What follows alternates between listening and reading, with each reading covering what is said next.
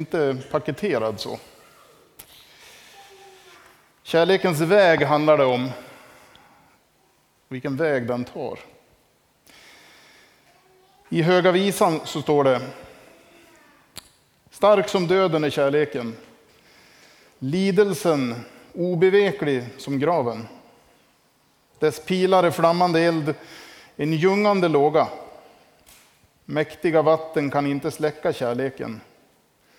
Floder kan inte svepa bort den. Kärleken beskrivs som en glöd, som en eld som inga vatten kan släcka.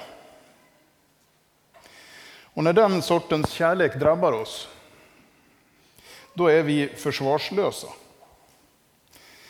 Vi kan inte tänka klart och livet kan vara både underbart och alldeles förskräckligt på en och samma gång. Och jag tror att ni nog alla har kanske upplevt det här. Eller kommer att uppleva det. När kärleken drabbar oss.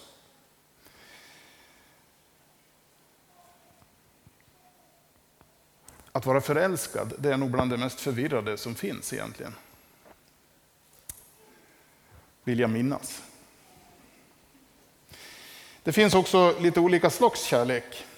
Kärlek mellan människor eller mellan Gud och människor. Och det finns många exempel. Min första stora kärlek som jag kommer ihåg, hon hade långt blont hår i flätor. Och hon hade en röd monark med stödhjul. Och vi gick på lekskolan som det hette på den tiden, i Vansbro. Och det här var i början av 70-talet. Jag är född i slutet på 60-talet. Och jag kommer inte ihåg det, men det måste väl ha varit lite efterdyningar kvar av 68 kan jag tro. Några av er här är väl lite äldre än 50 kanske. Ni kanske minns den här tiden. Jag minns det inte. Men jag minns lite grann hur man såg ut. Byxorna var rätt så utsvängda ner till.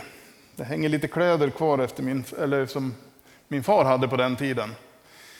Jag har sett att det där modet är lite på väg tillbaks. Jag är inte helt bekväm med det, men jag, ni vet vad jag menar va? Och skor, de var ganska höga. Till och med träskorna hade platå, platåträskor fanns det. Och jag kommer ihåg, eller om jag har sett det på bild, att min far han hade stora polisonger. Och det var viktigt med gemenskap. Det är roligt med er som har varit ute på lite gemenskap i Pellbo. Jag tror gemenskapen är på väg tillbaks. Det har varit lite tider med ensam är stark och fokusering på det egna jaget. Men jag tycker det verkar som när man tittar tillbaks att på 70-talet då förverkligar man sig tillsammans, gemenskapen. Och så rullar det här 70-talet förbi med en rasande fart. Och jag var väl 12 år när det tog slut. Och jag minns inte mycket av det heller. Men sen kom det 80-tal. Och man kunde hämta sina paket ifrån Hobbex och Clas Olsson på posten, för posten fanns kvar. Och man spelade musik på vinylplattor. Man köpte på Färneborgs radioservice i Vansbro. Man kunde beställa skivor och så tog det två, tre veckor innan den kom och när den kom så var det fel. Men eh, så var det. Och telefonerna de satt fast i väggen med en sladd. Det är nästan helt obegripligt för mina ungar, de är 14 och 17. När de kommer hem till min mor, deras farmor, då, så hon har en sån här gammal som man slår med fingret och de fattar nästan inte hur den fungerar. Och hemma, det fanns ju bara TV1 och TV2. Men hade man en riktigt hög antenn hemma i Västerdalarna, då kunde man se på NRK, norska TVn. Då hade man tre kanaler och då var man kung i skolan. Och video, det fanns inte heller. Men på församlingshemmet i Vansbro, där hade vi något som vi kallar för öppet hus. Och där spelade vi pingis och spel och prästen var med. Och så dansade vi någonting vedervärdigt som hette eh, fågeldansen. Jag ser att alla som är från den tiden ler och får en viss ångest. Eh,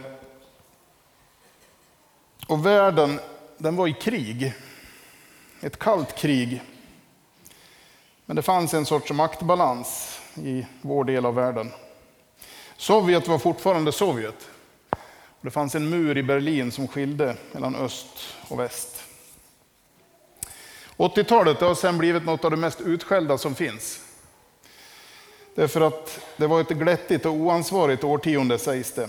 Det var då pengarna tog slut.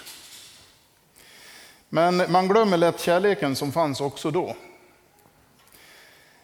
Världens största rockgala hölls i mitten av 80-talet, Live Aid. Kommer ni ihåg den? Lite grann kanske. Och den hölls till förmån för Etiopien. Och vi som var med i Svenska kyrkans unga i Vansbro, vi samlade in kläder till Polen och tvål till Mosambik. Av alla märkliga tingestar. Och det var Carola, hon sjöng om en främling. Herreys sjöng Diggiloo Diggiley. Och det började talas lite grann om en andlig längtan tror jag. En andlig längtan kanske som jag inte riktigt förstod. Men jag trodde nog trots allt att det kanske skulle vara någonting för mig, det där. Jag hade konfirmerats 1981 och så blev jag kvar i Svenska kyrkans unga uppe i Vansbro. Och man kan säga att jag aldrig tog mig ur det. Jag är fortfarande kvar. Och jag tror att det beror på kärleken. Kärleken från Gud till mig och från mig till Gud. Det är många som vill visa vägen till ett bättre liv idag. Vi matas ständigt med budskap om vad som är nyttigt och vad som är farligt för oss. Vi uppmanas att tänka på oss själva. Och det gäller allt ifrån tandborste till skola för våra barn och barnbarn.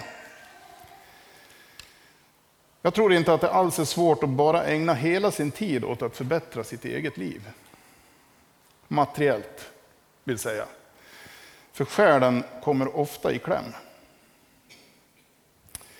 Det kan vara lite svårt det här med själen ibland, när man pratar om det. Det är lätt att tänka att jag behöver väl ingen poesi, inga lugna stunder med vacker musik, inga stilla stunder i skogen, inga gungande stunder i hängmattan med en god bok. Bara jag tjänar nog med pengar och jobbar så ska det nog gå bra. Och Det kan gå så långt att vi kramar om vårt liv så hårt att livet nästan förkvävs och mister en del av sin lyskraft. Livet får helt enkelt inget livsrum. Ibland verkar det som att vi tror att vi nog ändå ska hinna med själen till slut. Vi ska bara göra det här och det här först. Är det Alfons Åberg som säger så? Jag ska bara först, innan jag ska göra det som är meningen. Och så rullar åren förbi lite snabbt. Ibland tänker jag, man sitter på sängkanten och ska upp hela tiden. Jag vet inte vad jag gör däremellan, men plötsligt så sitter jag där igen på morgonen och ska upp. Och egentligen är det ganska enkelt. Det handlar om att någon gång sätta våra liv i andra hand. Då menar jag inte att vi ska offra våra liv, utan snarare så tror jag det börjar i det enkla, i det lilla. Kanske kan vi hjälpa någon som har fått problem med bilen i kylan. Trots att man egentligen inte hinner, för man har bråttom till någonting annat.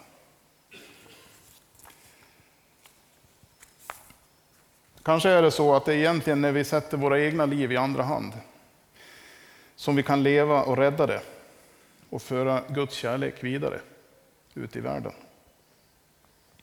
Jag tror att vi alla har stunder när vi har glömt oss själva för någon eller något annat. Och det är nog det som är kärlekens väg. Gud glömde ju sig själv till, så till den milda grad att han offrade sin enda son för oss. För att vi skulle få gå fria och få förlåtelse. Att möta en annan människa, att lägga något av sitt eget liv i en annan människas händer, det är något av det allra, allra svåraste vi människor kan göra. Därför att vi vet att vi kan också bli svikna. Ändå är det enda sättet att leva. Det är kärlek. Underbar och förskräcklig på en och samma gång.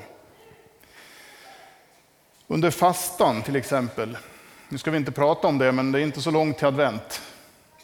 Jag vet att det låter hemskt, men, och så kommer påsken. Under de här tiderna så tänker jag att den är till just för att vi ska söka oss själva. Söka oss ifrån allt det som förvillar oss och leder oss bort från livets kärna och mening. Bort från Gud och bort från kärleken. Jag tror att vi ska titta mer på det vi behöver. Vi ska se var det är vi brister och går vilse. För att kunna ge den rikedom vi har i kärlek vidare ut i världen. Tror ni på det? Tror ni på det? Stark som döden är kärleken.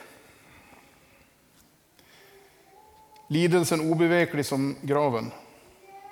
Dess pilar är flammande eld, en ljungande låga. Mäktiga vatten kan inte släcka kärleken. Floder kan inte svepa bort den. Amen.